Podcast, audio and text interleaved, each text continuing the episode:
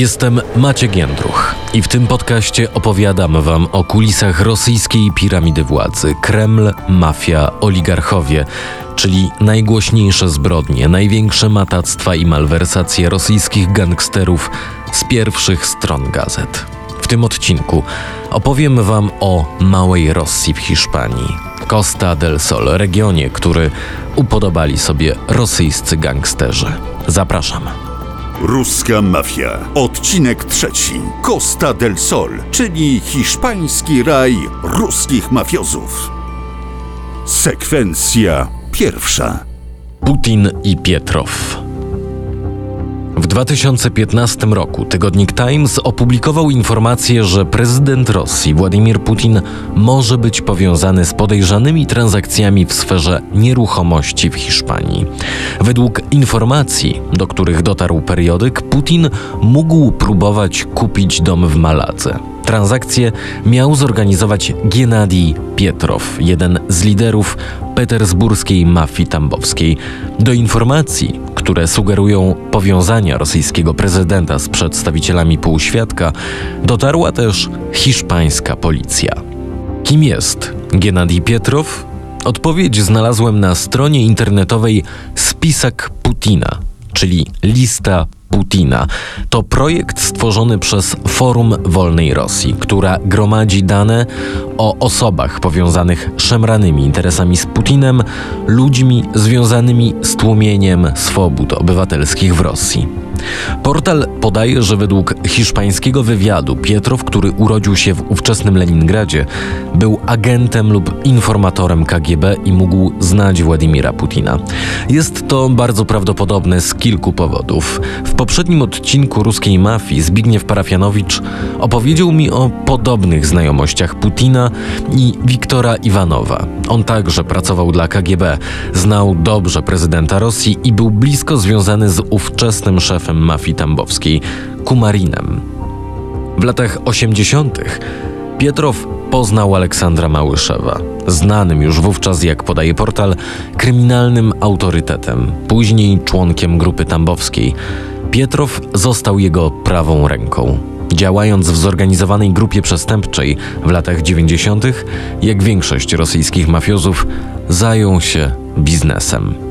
Jak ten biznes wyglądał wśród młodych przedsiębiorców, oto spytałem dr Agnieszkę Bryc, specjalistkę do spraw Rosji zajmowali się taką bardzo drobną przedsiębiorczością. Wchodzimy, dotykamy kwestii kryminalizacji, takiego bardzo mm, przełomowego momentu, mm, ale bardzo szybko okazało się, że ci najbardziej przedsiębiorczy, żeby cokolwiek zarobić, muszą mieć powiązania jednocześnie z, z władzą, która pozwala pewne prawda, przetargi wygrywać, ale także musiała mieć wtedy powiązania, czyli po prostu akceptację, przyzwolenie albo ochronę. Bardzo szybko y, wzbogaciła się niewielka grupa, e, ale wzbogaciła zmieniła się e, tak bardzo, że te fortuny pęczniały, one stawały się wręcz e, takie bizantyjskie. Gennadij Pietrow według informacji Forum Wolnej Rosji w 1994 roku z Michałem Szelomowem, który jest kuzynem Władimira Putina, zarejestrował firmę budowlaną Baltijskie Stroitelne Kampanie, jedną z największych dzisiaj firm inwestycyjno-budowlanych w Rosji. Później został udziałowcem banku Rosja. Jak sprawdziłem, Międzynarodowe Konsorcjum Dziennikarstwa Śledczego ujawniło, że bank ten był związany z reżimem Putina. Kompania miała budować sieć fikcyjnych spółek, które przechowywały pieniądze rosyjskich oligarchów. Pietrow przeprowadził się do Hiszpanii w 1996 roku, kiedy drużyna Sobczak-Putin, czyli ówcześni mer i wicemer Petersburga, została pokonana w wyborach w północnej stolicy Rosji. Gennady Pietrow wraz z innymi przywódcami zorganizowanej grupy przestępczej, między innymi Aleksandrem Małyszewem, przeniósł się do Hiszpanii. 1997 roku hiszpańska policja z Marbelli wszczęła śledztwo w sprawie prania brudnych pieniędzy za pośrednictwem stworzonej przez Pietrowa firmy Hisparus czerwcu 2008 roku, jak opisuje to strona Spisek Putina, 20 Rosjan, w tym Pietrow, zostało zatrzymanych pod zarzutem prania pieniędzy, handlu bronią, zabójstw na zlecenie wymuszeń, handlu narkotykami, fałszowania dokumentów, przemytu kobaltu i tytoniu. Wkrótce Gennady Pietrow został zwolniony przez hiszpański sąd za kaucją w wysokości 600 tysięcy euro i teraz, jak podaje spisek, ukrywa się w Rosji. Kolejny dowód na bliskie relacje Pietrowa z Putinem to przechwycone przez hiszpańską policję rozmowy telefoniczne, w których gangster wielokrotnie odwoływał się do znajomości z pewną wpływową osobą, którą nazywano w konwersacjach górą lub carem. I choć nigdy inicjały cara nie zostały ujawnione, jak sugeruje portal, można się domyślać, kim jest ta wpływowa osoba. Sekwencja druga. Willa Putina. Times pisał, że w 2008 roku, podczas przeszukania domu Gennadija Pietrowa po jego zatrzymaniu, policjanci znaleźli dokumenty, z których wynikało, że szef gangu reprezentował Putina w transakcji zakupu willi na południu Hiszpanii, w regionie Costa del Sol, czyli tak zwanym Złotym Trójkącie. Chodzi o notatkę w języku hiszpańskim z 2001 roku, którą zauważono na jednym z dokumentów. Senior Putin, ziemia w Maladze, rosyjski obszar albo rosyjska zabudowa. Ziemia nie została kupiona. Kancelaria prezydenta. Takie właśnie urwane zdania zapisano na notatce. Times jeszcze w 2015 roku zwrócił się do rzecznika prezydenta Rosji Dmitrija Pieskowa z prośbą o potwierdzenie lub zaprzeczenie informacji o zakupie przez Putina domu w Hiszpanii w 2001 roku, ale odpowiedzi nie uzyskał. Według oficjalnych danych dotyczących majątku, Putin nie jest wcale tak bogaty, jak mogłoby się wydawać. Oto spytałem również dr Agnieszkę Bryc. Prezydent Putin oficjalnie nie ma wiele. Wszystko to, co posiada, to są zarejestrowane na osoby trzecie jachty, posiadłości, y, firmy. I to faktycznie jest tak, że y, my oczywiście uważamy i szacujemy, że on jest y, jednym z najbogatszych ludzi w świecie i na pewno najbogatszym e, człowiekiem w Rosji. Natomiast nic nie widnieje na nazwisko prezydenta Putina. On ma posiadłości, tak jak to, ten pałac nad Morzem Czarnym ze zrzutki oligarchów, ma posiadłości, którymi albo oficjalnie opiekują się prawda, służby federalne, jak FSB, albo opiekują się e, oligarchowie. Kiedy wybuchła afera z pałacem, kiedy Rosjanie protestowali, a Putin kilkukrotnie zmuszony był do tego, żeby w mediach rosyjskich otwarcie powiedzieć nie, to nie jest mój pałac, tłumaczył się, że to jest w rękach FSB, że w zasadzie to on tam wcale nie jeździ na wakacje czy w ogóle odpoczywać.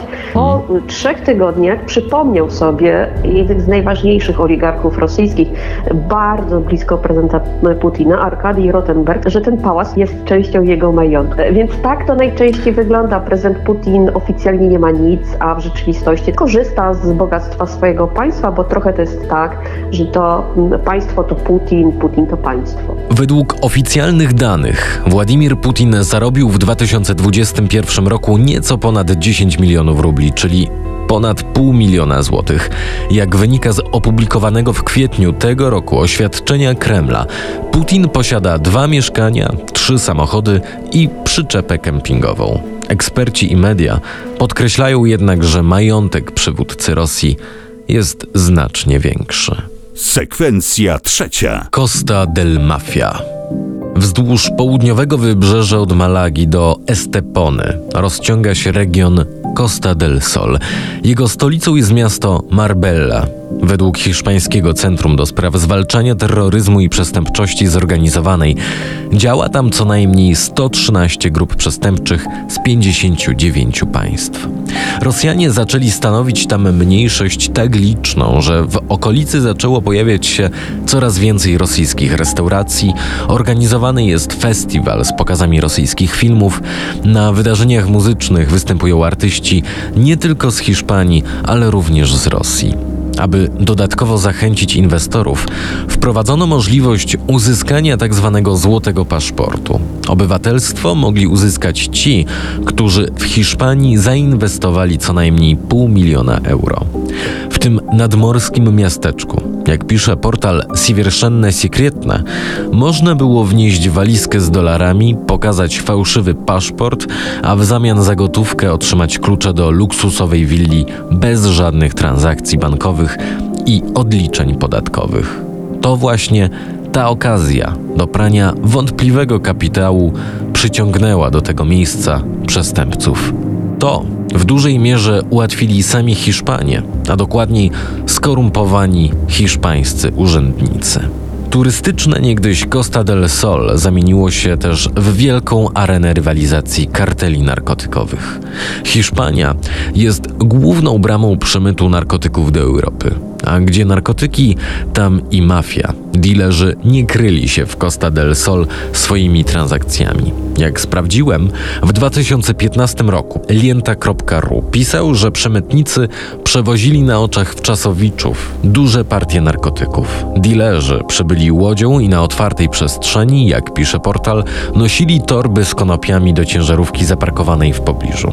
Miało to być wtedy około dwóch ton marihuany. Południowe wybrzeże Hiszpanii, w Andaluzji, słynne Costa del Sol Hiszpanie nazywają Costa del Mafia. W następnym odcinku. Jedna z pierwszych wzmianek o killerce, Larysie Rossinej, pochodzi z 1994 roku. Wtedy w Moskwie dokonano też zamachu na biznesmena, jednego z założycieli koncertu naftowego Niewsam, Władimira Misurina, nazywanego bestią. Czy te dwa fakty są ze sobą powiązane? O tym w kolejnym odcinku ruskiej mafii. Zapraszam.